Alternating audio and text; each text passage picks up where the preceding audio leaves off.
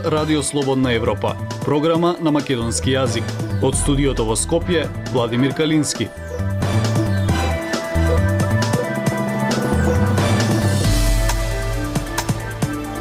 Почитуванија следите емисијата на Радио Слободна Европа. Паѓа инфлацијата во еврозоната, во земјава е двојно повисока и ќе трае уште долго. На ниво на државата недостасуваат 340 пожарникари, покажува истражувањето на Центарот за граѓански комуникации. Климатски промени, океанските струи во Атлантикот стануваат побавни според нови наоди на научниците. Слушајте не. Радио Слободна Европа, светот на Македонија. Просечната инфлација во еврозоната е 5,3%, што е најниско ниво од почетокот на 2022 година, кога го достигна пикот од над 9%. Во Северна Македонија инфлацијата и натаму е двојно повисока и изнесува скоро 10%. Проценките на економски експерти се дека високата инфлација во земјава ќе трае уште долго, главно поради политиките на увоз на храна. Намалените стапки на инфлација во еврозоната главно се должат на падот на цените на енергијата, според Европската агенција за статистика Евростат. Но и покрај тоа, извештаите покажуваат дека греѓаните низ Европа се уште се борат со високите цени, особено на прехрамбените продукти и облеката. Во јуни стапката на инфлација во 20 земји на еврозоната изнесуваше 5,5%, кога исто така имаше намалување споредено со мај истата година, кога беше 6,1%. Во Северна Македонија пак и натаму има двоцифрена инфлација која изнесува околу 10% според новите податоци на Државниот завод за статистика. Агенциите за статистика секој месец објавуваат податоци за индексите на трошоците на животот и на цените на мало. Највисока инфлација во земјава беше забележана во ноември 2022 година од 19,5%, што ја стави земјава на врвот на Европа. Но според економски експерти со кои разговараше Радио Слободна Европа, проблем е што ситуацијата на високи цени во земјава ќе трае уште долго и покрај трендот на намалување како што покажуваат извештаите на Народната банка.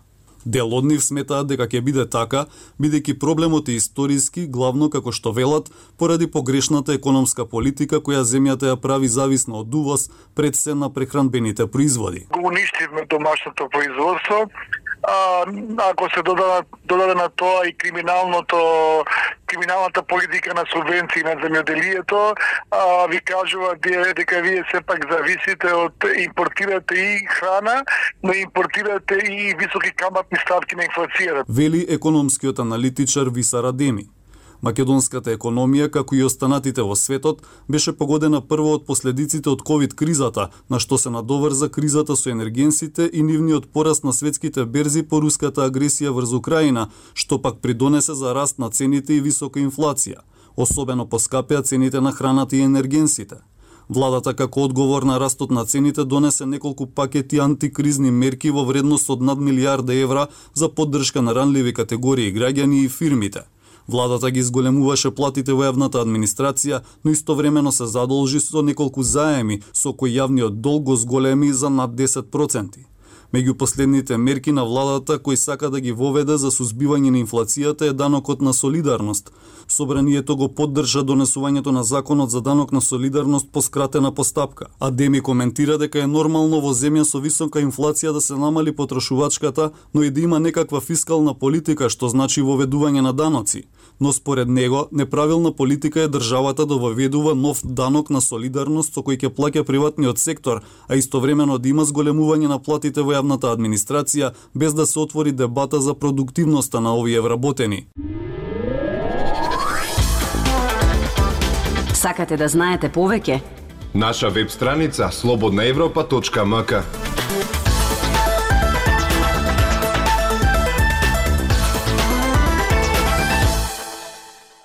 Против пожарните бригади кубурат и со кадари со нова опрема за гасење пожари.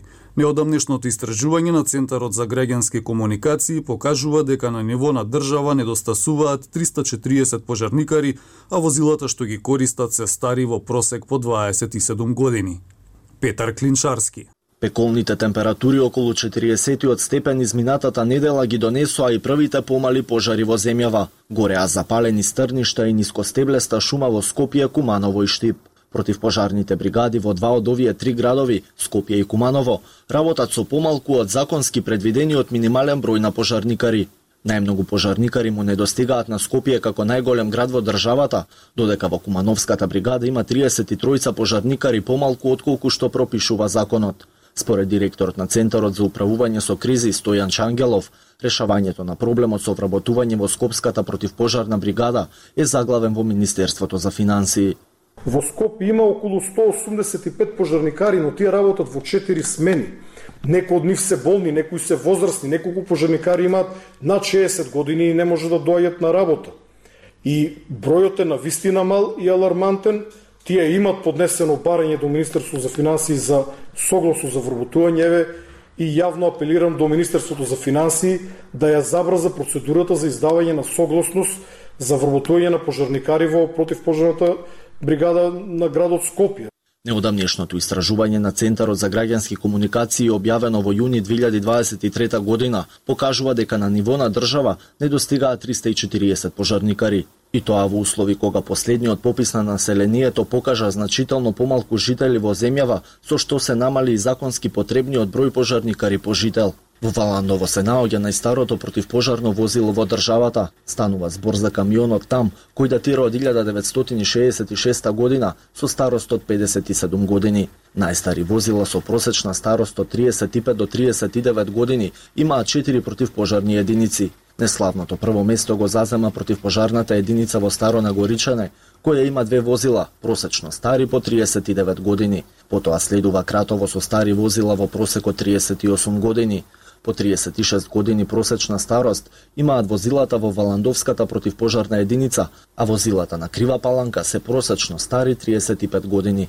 Од 2020 година наваму, регистарот покажува дека се купени или се добиени како донација дури 29 нови возила. Купувањето на противпожарни возила, иако се необходни, сепак се потребни и многу пари, вели директорот на ЦУК Ангелов. Факт е дека се необходни ресурси. Да бидам искрен, како политичар излезот го гледам во фондовите на Европската Унија. Нам ни треба приближување кон Европската Унија, бидејќи фондовите на Европската Унија ќе ни помогнат во сите области, вклучително и во противпожарната заштита. Ланските пожари во Северна Македонија генерално се гаснеа со помош на други земји, меѓу кои Австрија, Словенија, Романија, Србија, Бугарија, чии пожарникари лично допатуваат да учествуваат во справувањето со огнената стихија до опремувањето на македонските противпожарни бригади, кои кубурат и со кадари со противпожарни возила кои се старии до 60 години, се покриваше со донации од истите држави. Бидете наш гостин и посетете ја. Слободна Европа.мк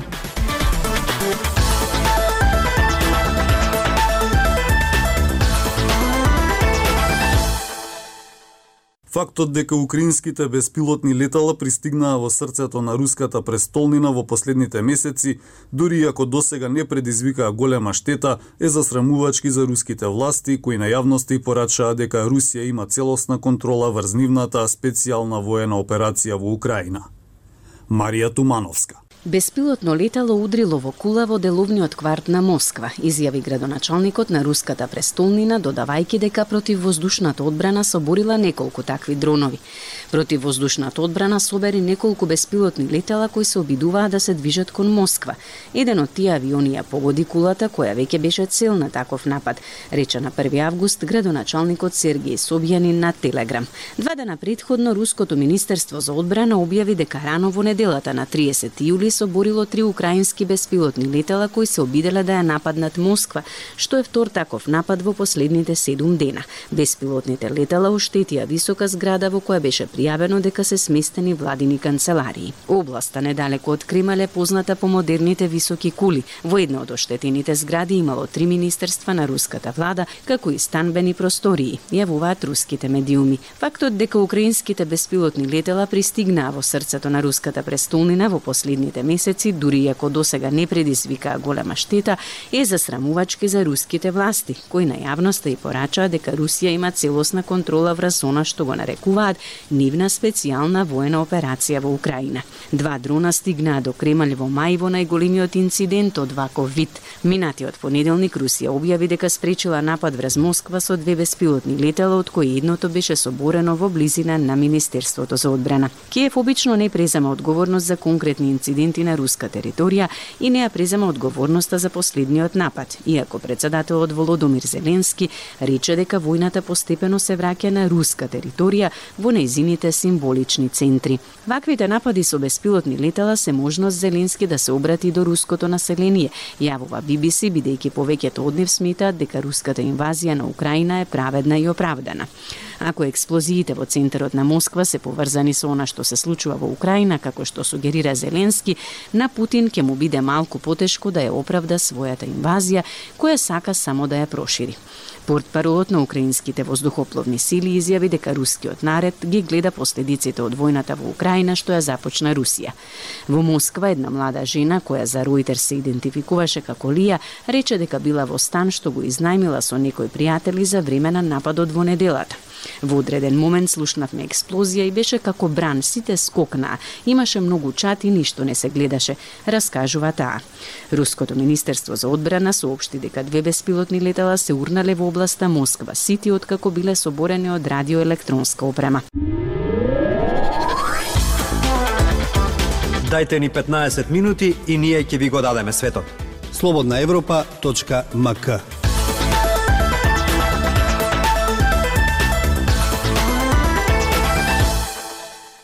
Наодите од новото истражување на научниците од Универзитетот во Копенхаген покажуваат дека чувствителниот систем на океанските струи во Атлантикот станал побавен и помалку еластичен.